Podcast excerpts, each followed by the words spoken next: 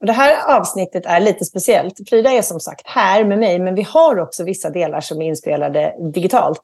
Så att eh, ändras ljudet någonting under den här inspelningen så är det för att det är vid två olika tillfällen.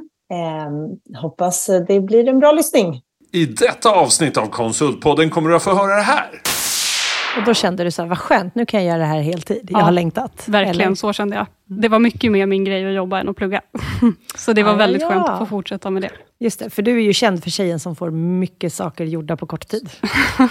Ja, men det, det är bra. Det är bra att vara känd för det. Vad är det du vill ta med dig från de fyra åren som du känner att du kan vara med och förändra eller förbättra den världen vi nu är i? Finns det någonting sådär, en one-liner där du känner, ja ah, men här, det här. Mm. Men någonting som jag tycker är ganska kul nu när jag också har bytt, det är att jag är van att jobba från egentligen andra hållet än vad Berotech gör.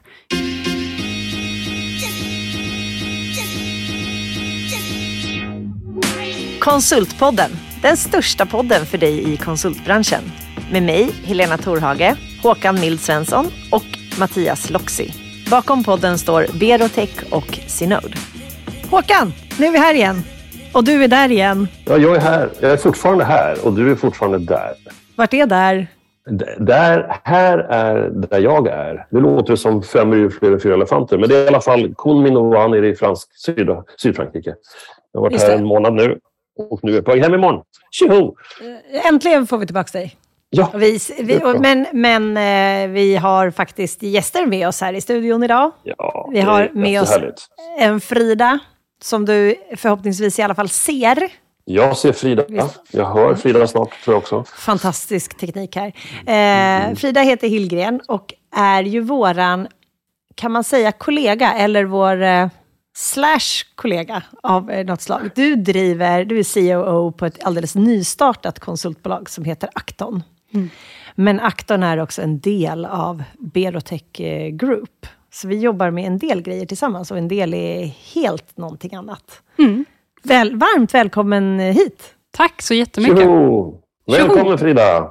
Tack. Och kollega låter supertrevligt tycker jag. Ja, Det känns som bra. så. Vi säger det. Du är Vi vår kollega. kollega. Ja. Ja. Det är faktiskt första gången vi träffas ju på riktigt. Så Det är det. det är ju eh, väldigt roligt av den anledningen också. Mm. Men, men berätta lite, du håller till i Uppsala. Och vad är det du har eh, hakat på för galen resa nu? Ehm, nej men precis, jag håller till i Uppsala ehm, och har, jag har bott där i sedan 2018 och jobbat inom eh, konsultbranschen också sedan dess. Eh, och just nu så, Acton är ju eh, Berotex första bolag inom det här greenhouse-konceptet som man har lanserat. Eh, och tanken är att vi ska fokusera på konsulter med lite kortare erfarenhet. Just det, till skillnad från det som vi gör i, i vad ska man säga då, det vanliga Berotech, där vi alla har en väldigt lång erfarenhet och vi ju superseniora ingenjörer hos oss. Mm. Då kommer ni ha någonting annat. Ja, men precis. Och det är ju det som jag har fokuserat ganska mycket på tidigare, den målgruppen som jag har jobbat mot tidigare. Det är de som har lite kortare erfarenhet inom, inom den branschen. Då. Just det. Så det är det vi ska göra framåt också. Men du Frida, nu måste jag ställa frågan. Hur kommer det sig och varför valde du konsultsvängen? Ehm, det är en bra fråga. Jag tror att jag lite halkade in på det, kan man väl säga. Jag pluggade personalvetare i Uppsala eh, Mm. och började själv som konsult på ett, eh, ett life science-bolag i, i Uppsala som HR-assistent. Eh, och jag berättade det för Helena tidigare också, men jag tyckte väl kanske inte att HR var riktigt min grej, utan tyckte att det var roligare med konsultbolaget som jag var anställd på. Så jag frågade dem om det inte fanns en, en öppning och, gjorde, och jobba där och det, det gjorde det. Mm. Eh, Så då jobbade jag under tiden jag pluggade, så jobbade jag deltid. Ett par, tre dagar i veckan. Och sen så när jag tog examen så gick jag över och jobbade Och då heltid. kände du så här, vad skönt, nu kan jag göra det här heltid. Jag Ja, har längtat. Verkligen, Eller? så kände jag. Det var mycket mer min grej att jobba än att plugga. så det var Ah, väldigt ja. skönt att få fortsätta med det. Just det, för du är ju känd för tjejen som får mycket saker gjorda på kort tid. Ja, men det, det är bra. Det är bra att vara känd för det. Men hörni, jag måste bara reflektera lite grann. Det var det 69 konsultpodden nu va, idag. Det är Mm. Många avsnitt. Och varje gång jag har ställt samma fråga om varför den här gästen är i konsultsvängen eller nära, då säger alla samma sak som dig Frida. Det var ett Mm. bananskal. Mm. Det bara hände. Det finns Mm, lite jag att jobba med samma. tycker jag. Att, att, Ja. ja. det är samma för dig Lena. Att, att, eh, vi, Hur inte- gör, vi, hur gör vi det då? Till ett, konsulting till ett yrke som man väljer och förbereder sig på? ja. Det finns Det inga det- högskolepoäng i det direkt. Nej, men Mm. exakt. Och det är väl lite det du ska jobba med, med de här som kommer nyutexade. Och det är det som också gör det här väldigt eh, spännande. Antingen om man kommer därifrån eller man inte har varit konsult alls tidigare. Mm. Så ska ju du och Acton då lära dem att vara konsulter. Mm. Vad är det de behöver kunna? Vad behöver de förbereda sig på? Nej men eh, det är ju lite, alltså bara konsultrollen i sig kan ju upplevas som lite luddig och jag tror att det också är för att det finns i alla olika branscher egentligen också. Eh, Men det som man behöver lära sig och som är viktigt, det är ju dels att bara förstå, förstå rollen och förstå det affärsmässiga i det. Vad man har för typ av relation till konsultbolaget som man är på, eh, kontra kunden och skillnaden på att vara anställd på eh, hos kunden till exempel. Det är många som ser det som att det är mindre tryggt att vara konsult än vad det är att vara fast anställd. Liksom. Även när man är anställd konsult. Även när man är anställd konsult. Eh, och så är det ju inte. Det behöver ju inte vara så. Som, som alla andra anställningar så finns det olika typer av anställningar, men det är ju också, finns ju jättetrygga anställningar som konsult. Eh, men jag tror att det affärsmässiga är en jätteviktig del att, att lära sig. Hur Ja. tränar man på den? Eller hur, hur får man den till sig, tror du? Eh, nej, men jag tror absolut att man måste tycka att det är kul. Man måste tycka att servicen är kul, eh, och relationen med kund. Sen så är det såklart något som man också kan lära sig av, av varandra, att förstå, förstå den relationen till att börja med. Eh, och sen att förstå leveransen som man faktiskt ska göra mot kund också. Och att dels att man också har ett eget varumärke som man behöver jobba på. Det har man ju även om man är anställd direkt av ett bolag, men sen så representerar man ju också ett annat bolag. Och det är ju också jätteviktigt att förstå. Och förstår man det så är det ju väldigt kul att vara konsult, för då, då har man ju liksom två olika ställen att representera. Du Frida, när du, när du säger att man måste förstå sin roll. Eh, är det konsultrollen eller måste man förstå sitt uppdrag? Är det, sk- skiljer du på de två sakerna? Eh, Ja, men det gör jag ju absolut. mm, Konsultrollen i sig tycker jag är en roll. mm. eh, när det kommer till det affärsmässiga och att förstå eh, att man ju faktiskt är, är där för att göra ett uppdrag. Sen måste man ju såklart förstå uppdraget som man också ska göra. Precis. Men jag kan tycka ibland att det är inte helt ovanligt att man kommer till ett uppdrag som är hyfsat tydligt. Okej, det är lite löst i kanten. Man, man vet ungefär vad det handlar om. Sen blir det någonting mer eller annat e- över tid. För att det driver, kunden ser vad man kan och man får mer att göra eller man ändrar. Sådär. Så att jag tror det handlar om att ha rätt mycket bollsinne och följa det som pågår. Så att man inte är för stringent i sin... Ja, jag fick en uppdragsbeskrivning så jag måste följa exakt. Och sen så driver det iväg. Vad tror du om det? Händer det att det krockar? Mm, det tror jag absolut. Mm. Och, och jag tror att en anledning till att det också är lite oklart med konsultrollen och vad det innebär, det är ju för att alla företag har förhåller sig också väldigt olika till konsulter.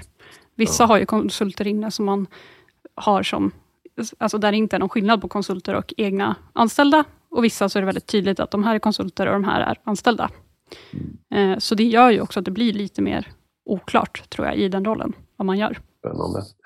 Men du, du, du har ju fått förmånen nu att ha tagit det här som Helena säger, den här galna resan. Vad, vad är det som du liksom känner är, om det är något som är läskigt, vad är det du måste verkligen få ha koll på och vad är extra viktigt i det här tidiga skedet? Nej, men I det här tidiga skedet tror jag, det är väldigt mycket som är viktigt och lite läskigt också såklart. Men, men dels tror jag att värderingarna är ganska viktiga att ha på plats redan från början.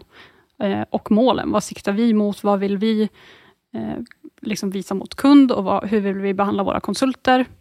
Där tror jag att det är lätt att tappa det också, eh, i och med att man bara kör på. Så det jobbar ju vi på, att försöka komma tillbaka till det också. Och kolla på vad har vi för typ av, av strategi, vad är det vi har sagt från början? Um, sen så anpassar man till, sig till situationerna och kan ju såklart ändra sig också. Det är ju så häftigt när någonting är sådär nytt. Alltså Mm. att ni kan skapa det hur ni vill. Kulturen finns inte, utan den kommer bli det som ni väljer att göra den till. Mm. Och att det är, liksom, det är öppet för allt det här. Men, men vad, vad tänker du är den största skillnaden vad gäller Acton och andra konsultbolag? Både vad gäller kunden och eh, konsultens perspektiv? Eh, en stor skillnad tror jag är att vi bygger inte det här konsultbolaget för konsultbolagets skull, utan vi vill bygga konsultbolaget för kundernas skull. Och där, till exempel så är det ju en, en stor rörlighet på marknaden där eh, man pratar mycket om en, en hög personalomsättning. Och där ser vi också att många, eh, många konsultbolag jobbar för att lite låsa fast konsulterna med, Eh, med olika konkurrensklausuler som bara blir längre och längre i olika, olika avtal. Och där försöker vi istället att, att bejaka den rörligheten och kanske hitta vägar som, som gör att det blir bra både för, för konsulten och för kunden. Då. Och det finns ju personer med eh, olika fokus, både de som ja, man kanske vill börja som konsult och sen eh, gå över till en anställning och sen också de som eh, vill verkligen gilla konsultyrket och vill vara kvar i det. Och vi kommer jobba med båda grupperna men vi kommer att investera mer och fokusera mer på de som faktiskt vill vara konsulter och bygga entreprenörskapen. Frida, är det så då, om jag förstår det rätt, att eh, ur ett kundperspektiv så eh, bejakar ni rörligheten så att i det fallet en konsult vill, väljer att vilja gå till kund så är det alldeles jättebra. Är det det, vi, är det, det jag hör eller? Ja men det tycker jag, absolut. Mm. Jag tycker att det är jättebra om det är det som, som den konsulten vill och som kunden vill. Sen så finns det ju ingenting som hindrar att den personen kanske vill gå in i konsultyrket igen. Det har jag flera konsulter som har gjort Nej, tidigare. Det, det, eh. tror, det, tror, jag är framtiden. Man har inte fasta roller hela sitt liv. Jag tror man kommer hoppa mycket mer emellan olika mm. möjligheter i sitt liv. Eh, och kunder kommer göra samma sak, att de plockar in och ut rätt folk. Ibland anställer man dem, ibland hyr man in dem. Så det, ja, men då, då bejakar ni, då är Acton ett, liksom ett tillskott till branschen för att man ska skapa, öppna upp för den dialogen, att det är helt okej okay eh, för en kund att om kund, konsulten vill eh, och tvärtom då byta plattform, mm. stanna hos kund på riktigt. Okay. Mm. Ja, men absolut. Sen tror jag också att det är såklart vår uppgift att göra så att de faktiskt vill komma tillbaka till till Acton eller i framtiden kanske också Berotech. Ja, ja. Men alla är ju fria individer så att man får ju bara hoppas att man gör bra ifrån sig så att de kommer ihåg en. Eller hur? Exakt, så är det ju. ja, ja, det är bra. Frida, jag har en tanke där och en liten fundering kring eh, det här konceptet Acton och Berotech. Det, är ju, det, är ju, det finns nästan inte ännu, men vad, vad ser du framför dig? Eh, vad är vinningen för kund där? Ser du någon? Berätta hur du tänker där. Ja, eh, jag skulle ju säga erfarenheten hittills när vi har träffat kunder mm. så är det ju att det finns ju olika eh, typer av behov såklart. Man har ju både de som är, ska ha dem med, med kortare erfarenhet som man kanske kan framåt anställa exempelvis. Man har de som ska eh, komma in på kortare projekt och bidra och sen så har man ju också de där, där man faktiskt vill ha en konsult med specialistkompetens som ska vara inne under en lång period, kanske flera år. Mm. Eh, och de behoven vill vi kunna leverera på och bemöta allihopa på alla de kategorierna. Och det gemensamt med Berotech kan vi ju faktiskt göra. Mm. Och det tror jag blir ett väldigt starkt erbjudande för kunden. Att faktiskt kunna få det levererat av en och samma, eh, samma leverantör. och samma bolag. Mm. Tänker jag. Ja, och det, och det stämmer lite grann med hur jag tror Berotech också ser det. För vi har ju vi har ju varit väldigt smala, väldigt tydliga med vad vi gör och vad vi då inte kan göra. Och det har ju, har ju gjort oss ibland så frustrerade, tänker jag, för att vi, vi, eh, vi får ju vaska, tacka nej till jättemånga möjligheter att hjälpa en kund för att vi har inte den formen av tjänst. Vi har inget hyrköp och vi har inga med kortare erfarenhet, vi har bara superseniora. Mm. Och det skrämmer ibland kunderna. De tycker att oj, det här blir dyrt, har vi inte råd med. Vi behöver någon som egentligen bara jobbar. Mm. Och, sådär, och, och, där tror vi också att det blir en, en, en hävstång när vi kan på något sätt säga, ja men det, hallå, vi kan hjälpa dig med det, för vi har Akton här bredvid oss. Eh, så att vi ser också samma fördel. Mm. Eh, jag, det, känns, det känns bara bra. Helena, känner du samma sak? Ja, men det är klart att det blir starkt och det är svårt att få in personer som är preppade för att vara konsulter. Vi kan ju inte börja jobba med någon som har bara suttit i en viss typ av samma roll i 20 år. Det är jättesvårt. För den har inte utvecklat en konsultmässighet. Men om man då kan räkna med att konsulterna som kommer från Acton har det, så är det en fantastisk källa till duktiga människor. Mm. Ja, och det, det, är precis det som jag tror också att, eller som jag märker att kunden faktiskt har blivit nyfiken på. Det är också att kunna göra en, en kanske en större leverans eller hjälpa till med en större, ett mm. större behov där man kanske har ett behov av en projektledare, men som du sa Håkan, också någon som faktiskt också kan göra jobbet. Ja. Eh, och att kunna hjälpa till med det gemensamt tror jag blir superstarkt och ganska unikt. För det tror jag inte att det är så många som har den, den leveranskapaciteten egentligen. Nej. Sen, sen, får man inte glömma det som på något sätt ligger emellan alla de här kompetenserna och kort eller lång erfarenhet. Det, det är våra beteenden tror jag. Och, och, nu ska inte den här podden handla om Berotech mer än den här gången tänker jag, för det blir lite väl mycket. Men det känns ändå som att jag vill ändå säga att det, det händer väldigt ofta att en kund säger till oss, vi vill ha en Berotechare till. Och då, det, det, säger någonting. De kanske också vill ha en affriare till eller en någon från... Så det, det, handlar inte bara om oss, men att det finns ibland något form av något shit eller något, någonting som håller ihop en leverans som är större än bara den tekniska utbildningen eller vad det må vara, som gör att ah, men, det känns gött att jobba med dem. Det är alltifrån hur säljet, rekryteringen och faktureringen. hela, hela konceptet blir stabilt. Och eh, jag tror att vi kan få ympa in det i aktorn och tvärtom. Jag tror att det skapar, och tänk när, när de säger till dig Frida, vi vill ha någon från aktorn igen. Det, då har det hänt något mm. som är större än livet på något sätt och det är ju det vi kan bidra med våra värderingar och vår kultur och det ni ger oss. Mm. Där tror jag det finns mycket som kunderna kommer efterhand förstå. De köper en snickare, men de får en snickare som är grymt duktig på mycket annat. Ja, ni förstår, jag ska inte dra det för långt. Men jag tror där finns det massor som är ett kundupplevt värde. Håller med. Absolut. Bra. Ja. Vad kul att det är så positivt när du träffar kunder. Ja, men det är jättekul. Och det, jag tycker verkligen att de är, är nyfikna och eh, väldigt positiva hittills. Så det är jätteroligt. Härligt. Ja, och, och, och det, vi är ju, både kunder och vi alla är ju i samma ekosystem. Så att jag menar, en kund som, just i den resan vi är med ingenjörer, det är teknikbrist och kompetensbrist och hela tiden. Och det är liksom en, det är en kamp att hitta duktigt folk hela tiden. Mm.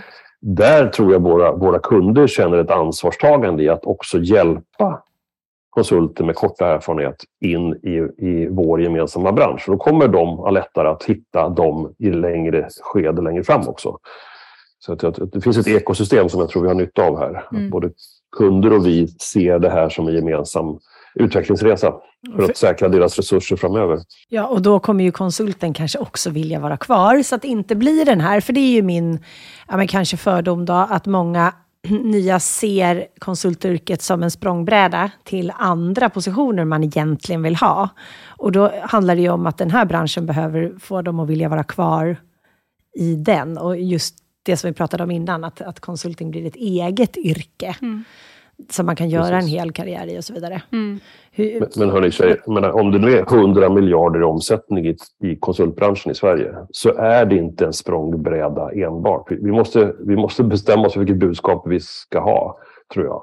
Det är hur många människor som helst. De lever och frodas i det här och utvecklas och gör karriärer i det här.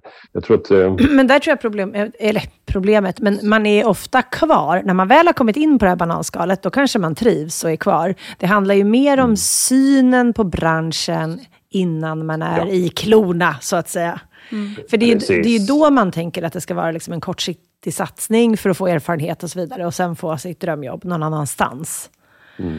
Och då kommer vi tillbaka till de typerna av personer och konsulter som du kommer jobba med. Att det är de man vill liksom, eh, ändra liksom, mindset mm. på. Jag tänkte en annan fråga, Frida. Eh, du har ju fyra års erfarenhet av rekrytering och, sånt inom, inom den här branschen. Vad är det, du, det är ju en jävla bra resa liksom, du har gjort. Du har, med, du har ett bagage med dig som är positivt. Vad är, det du, vad är det du vill ta med dig från de fyra åren som du känner att du kan vara med och förändra eller förbättra den världen vi nu är i? Finns det någonting sådär, en one-liner där du känner, ja men här, det här. Mm. Men någonting som jag tycker är ganska kul nu när jag också har bytt, det är att jag är van att jobba från egentligen andra hållet än vad Berotech gör. Jag är ju van att börja med att ja, men nu får vi in ett behov, de behöver en sån här typ av konsult och då kör man liksom hela rekryteringsprocessen. Man börjar med ett, ett, möte där vi ska ta in hela kravprofilen och sen så ska man göra hela rekryteringsprocessen och rekryterar till det specifika uppdraget. Eh, och sen har man personen på plats. Ofta i konsultbranschen så gör man ju nästan tvärtom. Att man börjar med att anställa en konsult och sen så ska man få ut den personen på uppdrag och matcha det. Eh, och det är något som jag tycker är väldigt kul att det behöver egentligen inte vara antingen eller. Jag förstår att det är kanske lättare om man har en rekryteringsstrategi, men jag tror att man också behöver anpassa sig ganska mycket mer till det, både i säljet och i rekryteringen. Att hitta de här matchningarna för att det ska bli så bra som möjligt, både för konsulten och för kunden. Så tror jag att det blir de bästa matchningarna, att det inte blir för låst i strukturer. Det är väl det som jag tar med mig. Sen så blir det ju så, eh, när man blir ett större bolag såklart, att de strukturerna måste ju någonstans finnas. Och där kommer vi eh, på Acton med väldigt olika erfarenheter som vi har med oss och ja, kunna bygga upp någonting bra utifrån det. Och apropå att ni har olika erfarenheter, du jobbar ju nu tillsammans med några som har varit i branschen mycket, mycket, mycket längre än vad du har. Mm. Och du har liksom, eh, även hela Håkan och mm. våra andra kollegor runt dig. Tror du att du kan, med din, liksom, ditt synsätt, lära oss mycket? Och i sånt fall, vad då? Vad behöver vi förstå från dig? Mm. Ja, men det tror jag och upplever jag att det är så och har varit så hittills. För det är det jag tror också när jag har pratat med våra gemensamma andra mm. Eh, personer. Och det är det som jag tycker är väldigt kul och häftigt, att alla som jag har mött hittills har ju varit väldigt öppna för det och väldigt liksom inlyssnande och vill lära och ser också det, att vi kan lära av varandra. Och Vi sitter ju ofta och pratar och så säger någon att ja, men vi måste ju göra så här.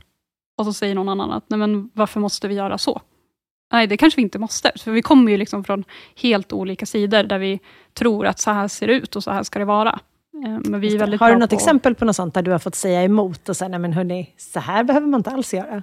Ja, ja men vi hade den dialogen när vi bara pratade om, om eh, anställningsavtal och förmåner egentligen.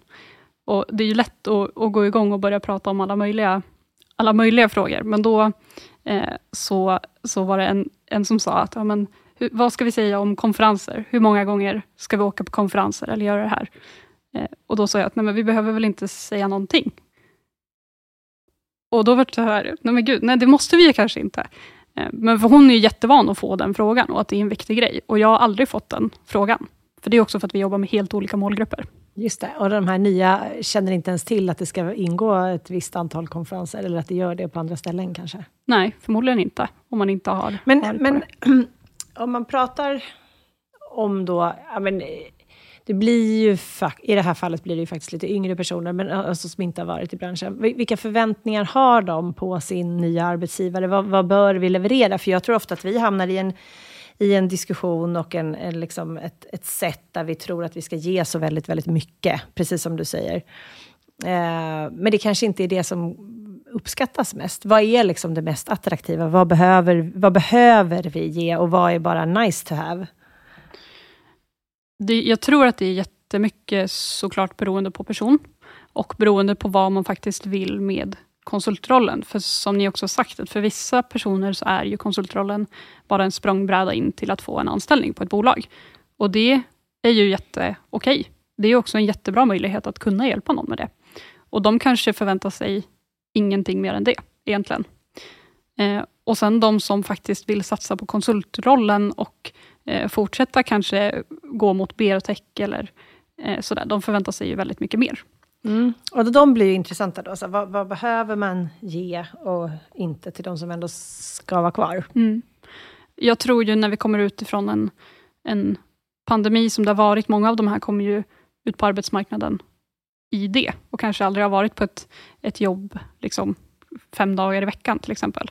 Och där tror jag att flexibiliteten och de möjligheterna att kunna anpassa beroende på situation kommer vara jätteviktiga. Eh, att se individen och se vad man behöver eh, och kunna anpassa. Sen tror jag att, att hållbarheten generellt sett kommer bli viktigare. Eh, och med det ledarskapet i arbetsmiljö och sakerna runt om, vad man sätter förväntningar Och när du säger hållbarhet, då är det för individen, att det är liksom en social hållbarhet som präglar det? Och hur ställer du det mot liksom ansvar för klimatmiljö, biologisk mångfald och så vidare? Mm. Nej, men både och, tror jag. Precis som i samhället så blir ju det jätteviktigt. Det, man kan, kommer ju kunna påverka båda de två delarna, men, men det jag syftade på nu var väl kanske mer arbetsmiljö och ledarskap, i att man faktiskt ska hålla hela arbetslivet. Ja, vi har bränt ut tillräckligt många vi har gjort det. Och det är så många som kommer ut i arbetslivet och är superdrivna och vill jättemycket och, eh, och verkligen vill prestera. Och Det måste man också lära sig att hantera på ett bra sätt, tror jag, utan att bara uppmuntra det. Ja, just det. Man får faktiskt sätta lite gränser för sådana personer kanske. Mm. Det är ansvarsfullt att göra det. Det är det.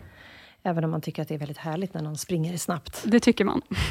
Eh, Frida, du pratar mycket om hållbar karriär och det är oerhört avgörande och viktigt. Ehm, vad är dina byggstenar för det? Från ditt eget personliga perspektiv. Både från ur ett konsult medarbetarperspektiv men även ur, ett kundperspektiv. Hur tänker du? Från, från ett eh, konsultperspektiv tror jag att man ska få göra det man vill göra och det man mår bra av. Jag tror att många gör det man borde göra och att det finns en, en liksom utstakad väg för karriären. Eh, men att man faktiskt mer ska få göra det som man, man själv vill göra eh, för att må bra. Och mår man bra och är nöjd och glad så för kund så gör man ju också ett bra jobb och blir en bra, en bra konsult tror jag. Och visionen med det som vi gör nu är någonstans att också hjälpa våra konsulter att bygga hållbara karriärer utifrån vad de själva vill och också visa på att den här möjligheten finns att också vara konsult och att bygga en karriär i konsultyrket. Eh, och att det finns inom teknik, teknikbranschen. För det, det tror jag framförallt de som har lite kortare erfarenhet inte, inte liksom har den bilden. Det är min bild just precis nu där jag är i alla fall. Ja, men det, är bra. Ja, det var det vi började prata om i podden, det här att vi, vi, vi tror att man bara halkar in på bananskal. Tänk om ett par år när man kanske till och med sitter och säger när man går i nian och ska välja högskolan till slut, efter, ja men fan jag ska bli konsult. Det finns och det inte ju, Nej, det är ju superhäftigt och det är egentligen lite samma resa som jag har gjort. Att jag visste nog inte att jag kunde spinna vidare på det jag gjorde och det har ju jag fått lära mig genom att, att börja på Acton. Att ja, men jag kan ju fortsätta med det här och göra mm. ännu mer. Och det är ju supercoolt och att få ge den möjligheten till, till fler konsulter inom teknikbranschen är ju jättehäftigt. Så att om man bara över, övertolkar lite, då, det, du tänker då att om, om, om våra och dina och allas, allas konsulter på hela jordklotet gör det de faktiskt tycker är kul att utvecklas inom i en, någon form av trygg miljö, då blir kunderna också väldigt nöjda för de får en toppleverans. Det tror jag, absolut. Ja. Ett väldigt enkelt recept på eh, en affär, men den eh, följs sällan. Så att det där blir jättehärligt att få se. Jag, ni kommer lyckas. Kul. Ja, men det tror jag också. Absolut. Um, är det till och med så, om man läser eh, um, um, undersökningar som handlar om, eh, vad blir det då, generation Z, um, så är det just den här, eh, det högre syftet och vad man bidrar till. Vad gör man för gott för samhälle eller individ eller miljö och så vidare. Vad, när du är ute i den riktiga, det riktiga livet, finns de kraven där då också? Eller är det mer i undersökningsresultat det syns som väldigt tydligt och avgörande för om man blir en tillräckligt attraktiv arbetsgivare? Mm. Nej, jag tror att det är jätteviktigt. Jag har ju jobbat jättemycket mot life science-kunder. Eh, och det som är väldigt tydligt är att det är lätt att hitta kandidater till de bolagen som gör något, något samhällsnyttigt, där man också kan säga det, att men jag, vill, jag vill göra något som verkligen betyder något. Och det, de drar jättemycket. De, då är det mycket lättare att hitta bra kandidater. Så det tror jag absolut är viktigt. Just det, och då kan man ju hoppas att det i slutändan gör att de andra också får hitta sitt samhällsbidrag. Mm. För annars får de inte personalen de behöver. Så är det ju. det är det jag allra helst eh, vill. Vad tänker, vad tänker du Håkan om, eh, om att eh, bygga ett bolag som är attraktivt för alla eh, generationer och nivåer? Ja, det är väl det vi har kämpat för i alla jädra år. Och, Eh, man kan ju hålla på att curla sönder varandra som någon gammal trött förälder som på något sätt alltid vill att det ska vara så himla mysigt hemma. Och, det liksom, och jag tror inte riktigt det är lösningen med bättre löner eller ännu mera konferensresor som du pratar om Frida, eller ännu mera av allt annat också. Det handlar mycket mer om transparensen, att man känner att man är med och är viktig i ett sammanhang. Det tror jag är mycket, mycket viktigare. Man känner att man då är en viktig kugge i systemet. Eh, och att man har möjlighet att påverka sin egen situation. Det tror jag är helt avgörande. Och då, och då ligger väl det någonstans i de här grundvärderingarna om, om öppenhet och transparens och gilla att hjälpa till och allt det där. Det, det tror jag är, det överrider alla andra saker, tror jag. Och kan man komplettera det med att vi har ett gemensamt syfte, att inte bara våra kunder har bra syften utan vi har ett, ett bra som det går att connecta till, då är man ju hemma. Tycker jag. Sen uppe på det så ska det ju komma sjukt intressanta uppdrag som utvecklar mig. Som spä- så jag är tvungen att spänna min båge lite oftare än om jag fastnar i en anställning. Så att jag ständigt måste testa lite nya gränser men ändå inom en rimlig, trygg zon tror jag. Eh, För det är väl det som skapar den här ständiga nyfikenheten och utvecklingen, tror jag är Mm. jätteviktig. Och jag tänker på det du sa med eh, transparensen. Det tror jag också är jätteviktigt i, Mm. eller för mig personligen, så är det någonting som är jätteviktigt. Att det som vi gör och det som vi erbjuder, måste man kunna vara, man måste kunna stå för det. Och känna att det här känns bra i magen, eh, hela vägen. Det tycker jag är jätteviktigt. Ja. Och speciellt när man jobbar med de som inte har jättemycket erfarenhet, varken av eh, ja, men, olika anställningsformer eller sådana saker, eller typer av uppdrag, så måste det kännas bra att ja, men vi, jag hjälper dig här också, att det här blir något som, som blir bra från båda håll. Att det inte på något sätt ska vara något som känns som att man lurar någon eller sådär. Mm. Det känns superviktigt. Nej, det, det går inte. Eller det är klart man kan prova en gång, men sen är det kört och luras, tror jag. Sen, jag tror att lyckas man med det, i min naiva enfaldstanke, då tror jag att personalomsättningen går ner. Alltså det, det, det blir inte en kamp om varje sak vid varje enskilt tillfälle, utan man känner sig lite... Alla som är berörda blir lite tryggare att det här är en, det är en bra bas. Det här är min hemmaplan. Det kommer ordna sig. Att ständigt ha ögonen öppna för det kanske är något roligare imorgon på något annat ställe. Den där stressen tror jag, är, det är ju... Ja, jag tror att det sliter rätt hårt på organisationer, typ konsultbolag som ständigt måste rekrytera 30% nya personer varje år för att behålla samma volym. Och de kunderna som någonstans också blir utsatta för samma personalomsättning för att ibland så börjar ju konsulten hos kunden och då har, ju, då har vi en tydlig vinnare där förstås. Två stycken, både konsulten och kundföretaget är vinnare då. Men i, lika många gånger så, så väljer konsulten att göra något helt annat och då får, vi, då får både vi och våra kunder börja om flera gånger om året och det tror jag är en... Där finns det en potential till förbättring för att skapa ett större... Eh, att, då, att då blir vår bransch lite mer hållbar ur ett kundperspektiv. Och Ja, personalperspektiv. definitivt. tror jag. Den där trygga platsen med liksom psychological safety och liksom bara att komma hem och ta det lite lugnt. Det ger ju väldigt mycket av en eh, Ja. stabilitet och en... Man kan ta ner sina taggar några nivåer.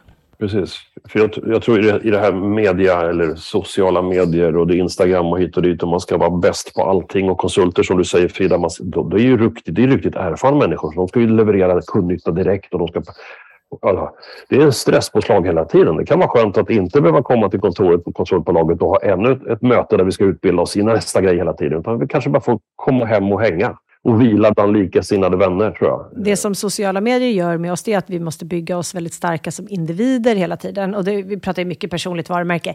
Jag föreläste ju om det här senast i morse, så, det, jag ska inte säga emot mig själv nu. Men det är ju ganska skönt att vara en del av någonting som är större och stå för det och att man kan liksom lyfta ett helt team. Eller eh, jag och mina kollegor. Så att det inte är att alla måste vara just den där stjärnan hela tiden och liksom bygga sig själv hela tiden. För hur härligt det än kan vara, lika skadligt kan det nog vara att känna liksom den stressen. Spännande Frida. Vad, vad, vad, målbilden då för dig och er? Vad, är, vad, vad ser ni framför er de närmsta året, åren? Nej, men målbilden är ju både att, att eh, lyckas... Eller målbilden i stort skulle jag säga är att, att också bredda och få den här målgruppen att också liksom få en bättre bild av konsultbranschen Mm. och se möjligheterna för sig själv. Och då både att faktiskt, det är helt okej att se det som en språngbräda, det är ju bara jättebra.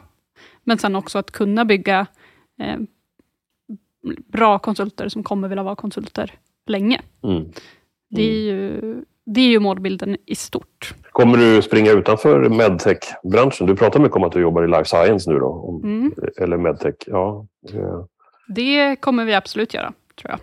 Mm. Det är det som är fokuset just nu, men eh, vi låser inte fast oss. Nej, man ska väl gräva där man står. Där man är hyfsat etablerad redan. Så är det ju. Och börja helt på ny Så. Såklart. Det är spännande.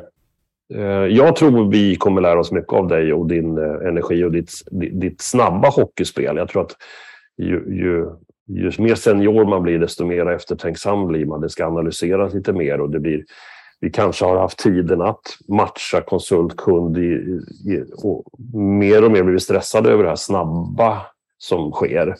Så där behöver vi lära oss tror jag, bli effektivare eh, över tid. Ja, jag, jag tror också att det finns jättemycket att lära. Och just det här när man, när man bygger på nytt, att inte göra som det är gjort redan, på grund av att man inte... Man kanske inte vet, eller man kanske inte har den erfarenheten. Det är ju ganska befriande. Och jag tror att många som har liksom, lyckats eh, disrupta sin bransch har ju just kommit utan någon som helst erfarenhet från den branschen. För att hade man gjort det så hade man ju sett begränsningarna. Och då gäller det att inte lyssna på för många som redan är där och som har för mycket, för många år inom eh, precis det. För då kommer de goda råden komma av välvilja, men det är kanske också de som står i vägen. Precis. Det är kanske därför Klarna inte skapades som Nordea eller Handelsbanken. Det är egentligen samma sak. Det kom liksom en helt galen ny idé. Och när du och jag pratade Frida för ett tag sedan så frågade mig om några tips. Och jag försökte säga det som Helena säger nu, om du kommer ihåg. Liksom, fråga inte så mycket, än prova. Det brukar alltid lösa sig efterhand. Liksom. Var, var lite galen och lite busig så kommer det bli fantastiskt bra. Eh, än att be om 30 råd. Och då kommer du få 38 förslag och ingen är rätt. Ja, men det är jättebra. Och jag kommer förmodligen inte göra dem ändå. Nej, så, så vi är inte ens om dem. Nej, precis. jag tror ju på det här stenhårt och jag gillar den här idén som, som ni har om att på något sätt skapa en utvecklingsresa för konsulterna. Eh, Den, den ser jag fram emot att få följa. Det är jätteviktigt. Och det görs ju oftast bäst i, i uppdrag. Alltså det får man ju lugnt komma ihåg att det är ju affären som är viktig och i uppdragen den den här utvecklingen ska ske. Absolut. Så är det ju. Ja, men eh, hörni, det känns som vi rundar av lite grann. Vad, vad känner du har varit det viktigaste i samtalet idag då, Frida? Och vad är det du vill liksom påminna eller få lyssnarna att verkligen ta med sig? Nej, men det som jag tycker är viktigt och som jag också har lärt mig under de här veckorna som jag har varit på Acton, eh, det är ju verkligen att man behöver bredda tankesättet lite grann. Att man blir ganska låst på en väg för vad som är rätt och vad som är fel och vad man borde, borde göra.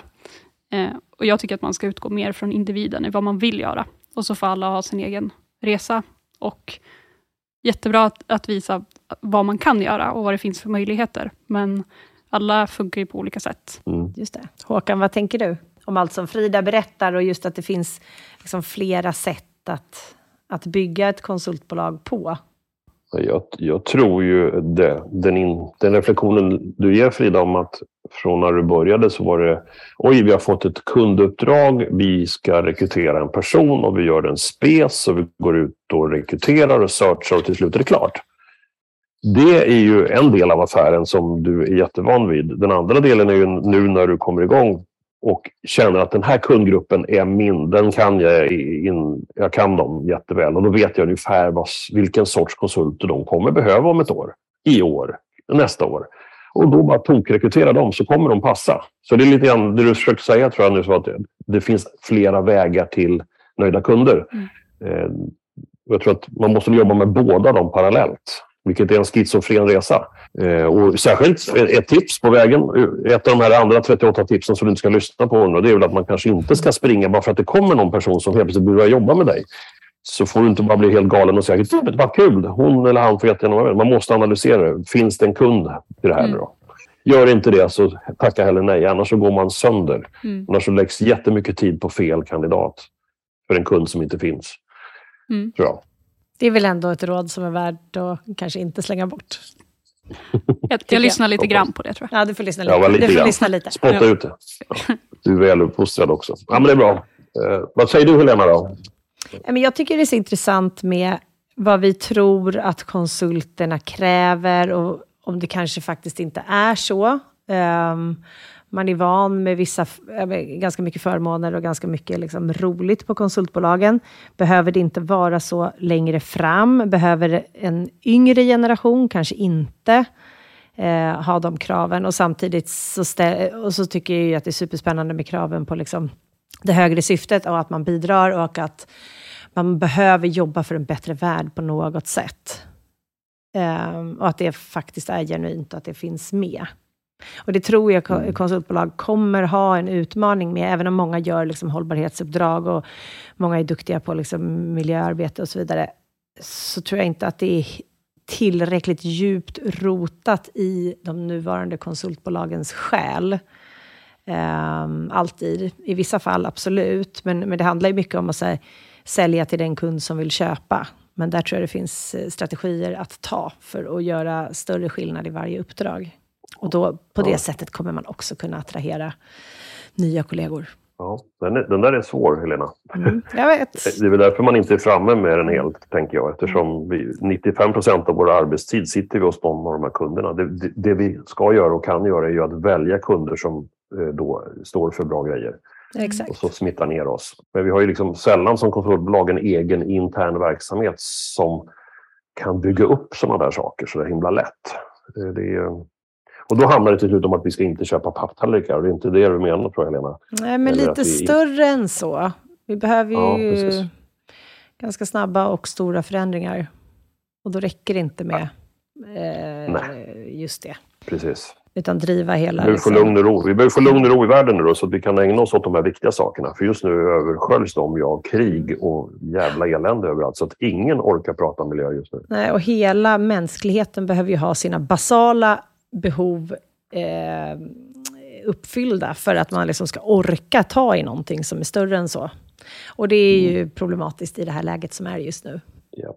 Jag lyssnade på Rockström här i veckan på radion och det, det var någon P3 eller P1, hej och hå. Det, han fortsätter att kämpa, han har inte gett upp, men det, han är rätt nära att ge upp tycker jag det Ja, jag tycker att han uttryckte det som att fönstret håller på att stängas. Ja, precis.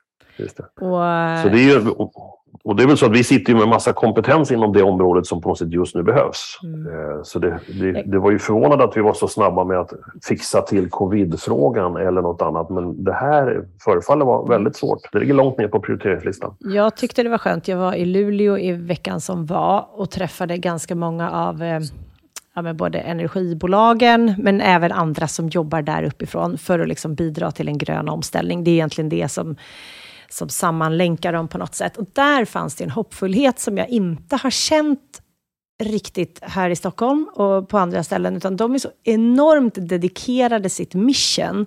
Så oavsett vad politiken gör och oavsett vad, vad som liksom pågår runt omkring oss, så var de väldigt liksom beslutna att gå den vägen de redan har stakat ut, gå den snabbt och få med sig jättemycket folk.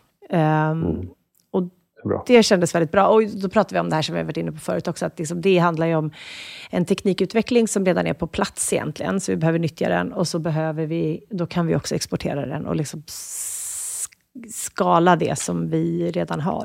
Mm. Och där finns det ju ändå möjligheter. Precis. Bra hörni! Vi gled Ja. lite utanför Frida-ämnet nu, men det är Ja. aldrig fel. Hörru Frida, lycka till på nya jobbet. Sex, sju veckor har du varit igång va? Ja, någonting sånt. Ja. Tack så Ja, jättemycket. ser. Ja, stort lycka till. Du kommer klara det där galant. Tack, tack. Ja, för sjutton. Jätteroligt att följa. Ja. Och Tack så Håkan, jättemycket. välkommen hem Ja. snart. Jag kommer till helgen, jag lovar. Bra! Hej! Ja. Hej då! Hej! Det här var nummer 69 av Konsultpodden och med oss i studion har vi Frida Hillgren som är COO på Acton. Eh, vi har även med Håkan Mild Svensson och mig Helena Torhage från Berotech. Och som alltid så är vi på Septemberfilm